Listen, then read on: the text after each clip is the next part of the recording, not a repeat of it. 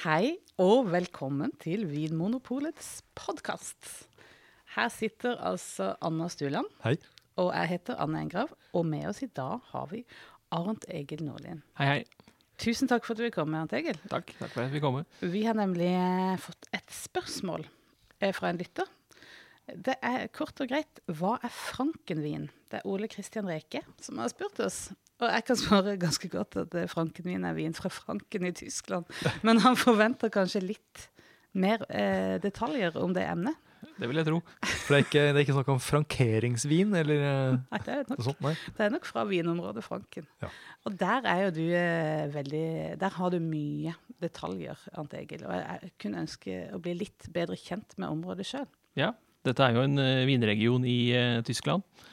Eh, som ligger litt, eh, litt eh, lenger øst for de andre store vinområdene i Sør-Tyskland. Det er et relativt stort område, selv om kanskje antall hektar med vinmark ikke er så stort. Det er vel drøyt rundt 6500 hektar med vinmark i, i Franken. Og det ligger jo da stort sett rundt elven Main, det meste, og noen, noen andre små elver. Eh, og dette er jo et område som, eh, som kanskje også skiller seg litt ut eh, fra annen tysk vin. Det består av et jordsmonn stort sett har forskjellige kalkformasjoner. Man deler det litt inn i litt forskjellige områder. Du har det som heter Main Viereck og Main Dreieck og Steigerwald. Og de har litt sånn forskjellig type kalkstein. Også helt øst, i Steigerwald, så er det da det som kalles gipskoiper. Som da er en formasjon fra en eh, tidsperiode. Og så er det musselkalk, eh, som er da i områdene sør og nord for eh, eh, den store byen som heter Würzburg, som ligger da midt i, i Frankenland. Og helt eh, vest, eh, langs eh, den eh, Eller i nærheten av den byen som heter Miltenberg, så, så er det da Buntsandstein, som er en eh, tredje type eh, kalksteinsformasjon som du finner i Franken. Og fellesnavnet for disse eh, steintypene er jo da det som kalles for Frankenstein.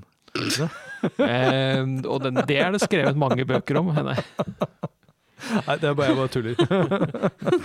Om jeg skulle ønske det var sant. Eh, jeg kan jo si at eh, det finnes jo da en organisasjon for vinbønder fra dette området da, som heter Trias.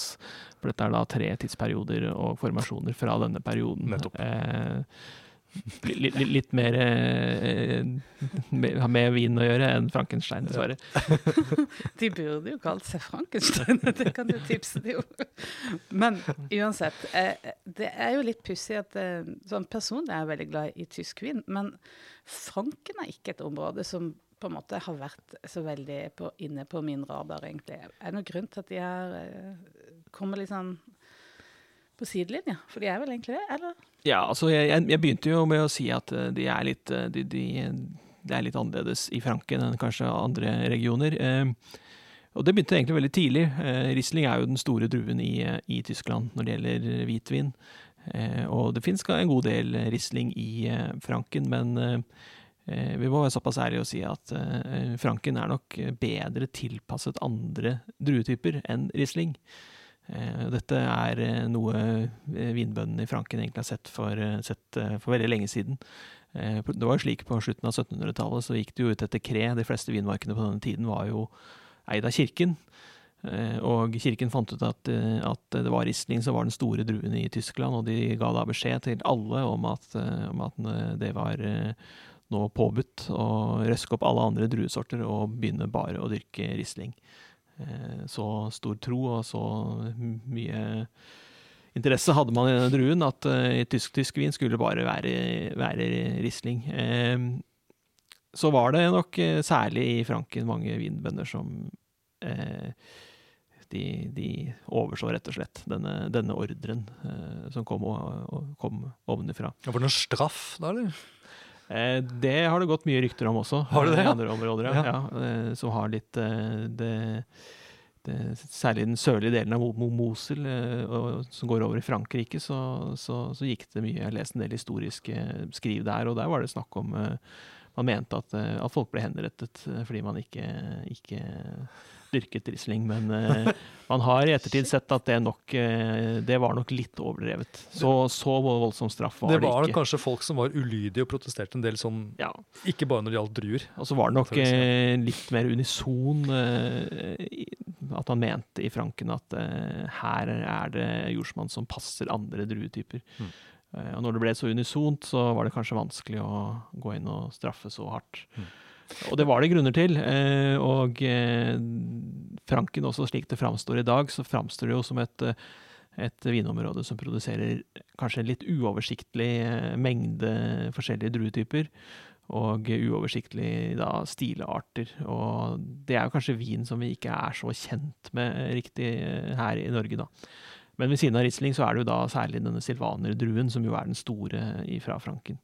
Og Hva er det som er grunnen til at nettopp silvaner fungerer bedre enn Riesling i Franken? Er det klima, eller er det Det er rett og slett jordsmonnet. det er jordsmonnet, ja? Eh, Riesling på kalk kan, eh, kan tidvis eh, kunne bli litt karikert. Eh, det fungerer godt på enkelte deler av, eh, av, av kalksteinen, særlig den som er litt hvitere.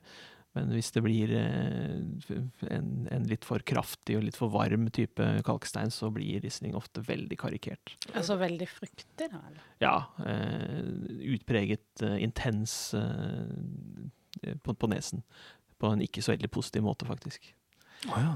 Ja, nettopp. Ja. Og da er det altså Silvane som har blitt løsninga for eh, frankenbøndene. Ja, eh, Frankenstein. Det var jo eh, altså, Historisk sett så, så, så var det veldig mye forskjellige druesorter i, eh, i Franken. Eh, Silvaner var nok en av de det var mest av. Det var fortsatt en del i Riesling, som sagt. Eh, Weissburgunder har det vært dyrket mye av. Og også mange andre eldre druesorter, som er- etter hvert også ble utvidet til å gjelde ganske mange nye eh, framkryssa druesorter, både som Scheurebe og eh, Mariensteiner og eh, Rislaner finnes det ganske mye av her. Og eh, ja, det, det, det- bare fortsetter. Eh, Muliaturgau er vel også Mulitorgau er det ganske mye av. Eh, Jeg vet eksempel vi solgte en vin fra, fra Franken som var laget på en, en, fra en enkel vinmark som var plantet i 1835. Eh, Der var det 31 forskjellige eh, druesorter som var eh, koplantet og ble da vinifisert eh, i samme vin. Mm, nettopp. Ja. Men, men det er vel uvanlig i Franken at det er blandingsviner? Det vanligste er vel at det er endrueviner? er det I dag er det vanlig at det er endrueviner. Ja. Hvis du går tilbake igjen i tid, så var det faktisk mest vanlig at, eh, at det var veldig mange druesorter sammen. Det, det var det vanlige i, i, i, i, i ja, iallfall fram til ca. begynnelsen av 1800-tallet. Så var det vanligste at man dyrket veldig veldig mange druesorter. Både røde og eh, hvite sammen, og vinifiserte sammen. Hva, Er hva står det på etiketten da? Da står det navn på, eh, på vinmark. Okay. Det står ikke sånn, sånn gemishtersats eller noe sånt som du Jo, det kan det, i dag gjør det jo det. Uh, gemistersats eller altersats eller et eller annet sånt ja. hender det man bruker i dag Ja. når man lager denne vinen. Eh, ja, Müller Torga fra Franken tror jeg kanskje jeg aldri har smakt, men jeg har smakt en del silvaner. Ja. Mm. Kan, vi, kan du si noe kort om på en måte, mm, hvordan en silvaner smaker? Silvaner er jo en uh, drue som uh, har en viss aromatikk, kanskje ikke like utpreget som Riesling. Uh, men aromaene går kanskje litt mer over i litt mer sånn bladaktig, en del anistoner. Eh, og silvaner også, hvis den blir for kraftig, kan gi, gi en god del bitterhet, særlig på finish, som man merker. Eh, så det er veldig viktig eh, at man, eh, man bruker tid og gjør det nøyaktig, særlig i pressingen, når man lager silvaner for å få den nøyaktig. Den er ofte litt mer rund i munnen enn en risling. Har ikke den samme syresnerten, Den kan være Altså ganske frisk. lavere, Det er la, litt, litt lavere syreverdier generelt i en silvaner enn i en risling. Det er det. Jeg syns ofte silvaner er veldig veldig gode viner til, til særlig salater. Og litt sånne ting, sånne retter med, med, hvor det kanskje er en ørliten bitterhet. Så syns jeg silvaner passer veldig veldig godt. Og så er det også slik i, i eh, Tyskland at eh, man uh, bruker silvaner veldig mye til asparges. Mm. Ja. Jeg syns ofte at det er en sånn I silvaners hvor druene er liksom virker liksom litt ekstra modning, så kan det virke noe sånn, sånn, noe sånn rotfruktaktig. Noe sånn pastinakk og Ja, jeg nevnte jo litt anis og litt, Ja. uh, litt eh, litt roteaktig. tror Jeg, jeg, kan- jeg, kan, skjønne de, denne assosiasjonen. Ja, det bikker litt over mot det enn mot sånne veldig sånn tydelige fruktaromaer.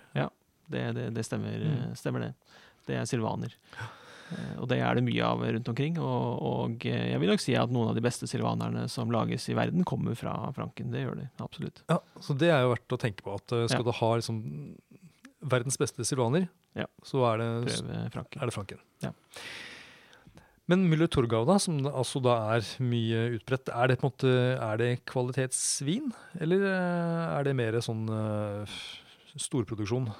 Eh, I dag så er det nok det. Altså, Müller Torgau er jo en drue som, som, som modner veldig tidlig. Kan få veldig høyt sukkerinnhold. Og i dag trenger en Müller Torgau ganske kjølig område, egentlig, for å, for å produsere en, en, en flott vin. Eh, Og jeg tror nok framtiden for Franken ikke er Mille Torgau, rett og slett. Eh, Nå er jo ikke Franken veldig varmt, men eh, men Mille Torgau nok, trenger nok et litt kjøligere område enn enn Franken, som ofte kan gi en ganske kraftig hvitvinstype. Ja, så du tenker at det er silvaneren som egentlig det vil bli mer av, kanskje? Ja, for, for hvitvin så tror jeg nok at, eh, at eh, framtiden for Franken er eh, silvaner og weissburgunder, og så gjør det veldig flott, og, og, og Riesling. Og så dyrkes det særlig for de litt søtere variantene, en god del Scheurebe og Grislaner, som er interessante viner. Ja, topp, for de lager altså da søt vin i Franken også. Det gjør de. det gjør de. Absolutt mye, mye Berenauslese, og til og med Tråkken Berenauslese, så veldig søte varianter. Og jeg har smakt veldig gode Rislaner eh, søtviner som Det minner nesten sånn pasjonsfrukt. Ja, Det er det både er, både syre og sånn veldig sånn flott fruktighet. det er eh, også veldig aromatiske, fruktige viner. eh, Både fra Scheurebe og, og rislaner. og særlig sistnevnte har jo også en, en veldig høy eh, syrlighet. Mm. Jeg har lyst til å vende tilbake til silvaner. Ja. Eh, hvis du skal plukke ut noen, hva skal jeg si, noen landsbyer eller på en måte noen sånne eh, områder i Franken der du liksom tenker at de pleier å levere silvaner av høy kvalitet. Ja, det, er særlig, det, er jo, det er jo da særlig dette området rundt Würzburg, eh, byen Würzburg, som er kjent for silvaner, og også området helt øst, eh, da i, i Steigerwald, særlig med Iphofen f.eks., eh, er veldig anerkjent for, for silvaner. Eh, de er ofte litt kraftigere i området rundt Würzburg, eh, tunge Tyngersheim og, og ned til Randersacker. Eh, så, så er jordsmonnet litt mer farge, eh, og eh, gir en litt rikere vin. Og de var jo veldig anerkjent i sin tid, særlig fra denne landsbyen, eller ikke landsbyen, byen, en ganske stor by, Würzburg. Nord, nord i byen så ligger da en ganske stor eh, vinmark eh, som da heter Würzburger Stein, og eh, et par andre eh, vinmarksnavn der også. Eh, som alltid har vært veldig anerkjent for de veldig kraftige og, og rike silvanerviner. Eh, hvis du går til Iphofen, så merker du nok at det er nok litt, eh, litt slankere, litt eh, friskere og litt annerledes i stilen. Og hvis jeg da skulle valgt en silvaner, eller altså, er det mulig å legge silvaner ned i kjelleren og få en fin utvikling, eller er det noe som skal drikkes ferskt, tenker du? Min erfaring med, med, med silvaner er at de gjerne utvikler seg sånn fint de første fem årene. Eh, og etter det så faktisk så utvikler det seg ganske lite. Jeg har smakt eh, både 50 og 60 år gamle silvanere, og de eh, er egentlig ikke så fryktelig annerledes enn fra da de var fem år gamle. Nei, så det er holdbare viner, er men, holdbare du, men de vil kanskje ikke endre seg så Nei. veldig mye. Nei. Nei, Det er ikke som en sommerfugl som, måtte, som starter som en larve, eller et egg, da, og som blir en sommerfugl. Hvis du på en måte ser det for deg. Det var fint. Nei, de, de, de, er- de er Det er ikke metamorfose. De, de, de, de, de, de, de går an å drikke egentlig hele veien, Ja. jeg. Ja, både unge og, og eh, eh, når de når en, en ja, rundt fem års alder. Men det, Behøver ikke å stresse. men det er flere grunner til at det er litt vanskelig å legge vekk frankenviner. For at de er tappa på en flaske som er litt vanskelig å legge i kjelleren. Ja, de har jo en eh, tradisjon her for en flasketype som jo heter boxbeutel. Eh, som jo er en lav, eh, litt rund eh, flasketype. Eh, som eh, for min egen del må jeg si de er ypperlige å ha i kjøleskapet, for de passer ofte inn i kjøleskapshyllene. Men, ja, de er ikke så eh, høye. de er ikke så høye. De går inn i hylla stående, det er veldig flott. Men eh, å stable de sammen med andre vinflasker i kjelleren, det er en håpløs oppgave. Men i kjøleskapet, ok. Jepp. Eh, det, det som er, litt morsomt, er jo dette ordet buksbeutel. Vi må ta med denne litt vovede, vovede historien. Fordi hvis vi nå tenker den, hvordan denne her eh, flasketypen ser ut Den har jo en sånn liten sånn tut øverst, og så henger det jo liksom resten sånn litt sånn rundt ned. Eh, Dette er flasketypen, og den har jo da navn boksbeutel etter formen på denne flasketypen. Og boksbeutel betyr da eh, fra eh, det gamle språket, direkte oversatt til dagens språk, geiteskrotum. Altså geiteballe, Ja. for å bruke et mer direkte ord. Ja. Det er, var det vanlig oppe i Ja. geiteballer? Så da, da kan man se for seg bildet av to sånne hengende under. ja, for det ser ut som et hjerte snudd opp ned i en sånn Buxboitel-flaske, nærmest. Ja, den har jo flat bunn, da. Men, Ja, eh, jo, jo. ja. Litt flatt, ja. Ja. ja, det er nok en ting der de er liksom litt annerledes. Men må de eh, tappe på buksbøytel? Det må de ikke. eh, Og jeg merker også Jeg kjøper jo inn en del vin fra Franken, og jeg merker jo også at det er flere produsenter i dag som Særlig for eksport så tapper de på vanlige flasker, fordi de merker at det er enklere å selge. Ja, og enklere å stable. Eh, enklere å og, og, ja, Når det er enklere å stable for kundene andre steder, så, så kjøper de ofte også litt mer. Ja. Så, ja. Men eh, fortsatt så, så får du en god del eh, Det, det aller meste tappes faktisk fortsatt på, på denne tradisjonelle flasketypen. Har de eh, i Franken noen sånn type kvalitetshierarki? Det er sånn eh, Premier Cru, Grand Cru-aktig, eller? Altså, offisielt så finnes det ingen slik klassifikasjon i Tyskland i det hele tatt. Eh, men så har du jo denne private organisasjonen i Tyskland som heter VDP, som er en organisasjon hvor veldig mange, ikke alle, men veldig mange av de beste vinbøndene er med i VDP. Og, de har laget en klassifikasjon som er ganske kjent, eh, hvor det da har, for de tørre vinenes del så har de en klassifikasjon på Eh, De bruker ikke regional vin, men de kaller det da godsvein. Altså vingårdens egen vin, da, som er det laveste eh, klassifikasjonsnivået. Og så har de da eh, ortsvein, altså landsbyvin, eh, som ligger hakket over. Og så har de eh, Erstelaget, som da tilsvarer Burgunds eh, Premier Cru. Og så har de da Gråseske Veks, eller Gråselaget, da, øverst. Nettopp. Sånn at nederst da så vil eh, produsenten da f.eks. da ha en flaske hvor det bare står Silvaner for eksempel, på etiketten. For eksempel. Og neste steg da er uh, Silvaner, eller det kan stå er det I Poffen, i Poffen, for eksempel. Ipofen, altså, da er da liksom landsbyen. Ja. Og så kommer da eventuelt sånn Er det Erstelaget. ja, sånn brennflekk, og er det en eh, Det er, en, det er vinmarke i Ipofen. Hvis vi fortsetter med det, det så er jo da Kalb er for eksempel navn på en eistelaget vinmark. I Ja. Pofener Kalb, da. Ja, i Mm. Kalb. Mens da Julius Echteberg, eh, kanskje den mest kjente vinmarken i, eh, i Poffen, er da en gråsøske veks. Akkurat. Nettopp. Ja, men da følger jeg med smartere. Ja. Har dere noe å tilføye? Det er ingenting. Jeg kan uh, Skal se hva er det- hvordan skal jeg få med det, da? Artege lener seg nå tilbake og tenker så det knaker. Eh, Jeg kan kanskje bare tilføye at eh, Goethe var jo, var jo veldig glad i, i eh, frankenvin. Gjorde en stor jobb i sin samtid med å gjøre denne vinen kjent. Han gjorde også en stor jobb med å drikke veldig mye av den opp eh, selv. Eh, en annen ting vi kan ta med av, av litt sånn Odde-fakta om Franken, er at faktisk verdens eldste vin er en flaske Eller den eldste vinen jeg tror noen har drukket nå, er en flaske Frankenvin. Akkurat. Det var eh, en av disse store produsentene i Würzburg. De fant eh, noen få flasker av en 1540-årgang, som var en anerkjent, eh, veldig, veldig varm årgang. Og den smakte som om den var fire år eh, gammel. For, eh, for noen få år siden, ja nei, nå er det vel en 30 år siden, en gang på slutten av 80-tallet, tror jeg det var, så åpnet de en eh, flaske 1540-årgang sammen med noen eh, vinjournalister, og den drakk de. Eh, Blant annet Hugh Johnson har beskrevet uh, smaken av denne 1540-årgangen. Ja, ja, ja, hvordan beskrev han den? da? Eh, da må du nesten le- leite litt opp. Jeg har ikke den ved meg akkurat her og nå. Ja, ok. Men den hadde nok utvikla seg litt. Den var nok moden. og en siste ting vi ikke har snakket så veldig mye om når det gjelder Franken, er jo Frankens rødviner. Eh, særlig dette området helt i vest er jo veldig anerkjent for, eh, for spetburgunder. Altså pinot noir. eh, Og lager vel også noen av de beste, beste rødvinene i hele, hele Tyskland. Er det et relativt nytt fenomen? Det der? Nei, det er også en, noen druer de har hatt veldig lenge. Eh, De opplever jo kanskje da Jeg nevnte jo Weissburgunder tidligere, at det også passer veldig godt i, i Franken, og det gjør også eh, pinot noir-druen. Kult. Og jeg, mm, min erfaring med tysk pinot noir er at det er på vei oppover. Ja, det, er, eh, det, det, det produseres bedre og bedre pinot noir, helt klart. Tusen takk, Arnt Egil, igjen for at du deler av din kunnskap. Og takk til deg også, Anders.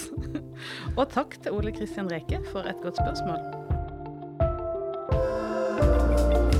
Takk for at du hører på Vinmonopolets podkast.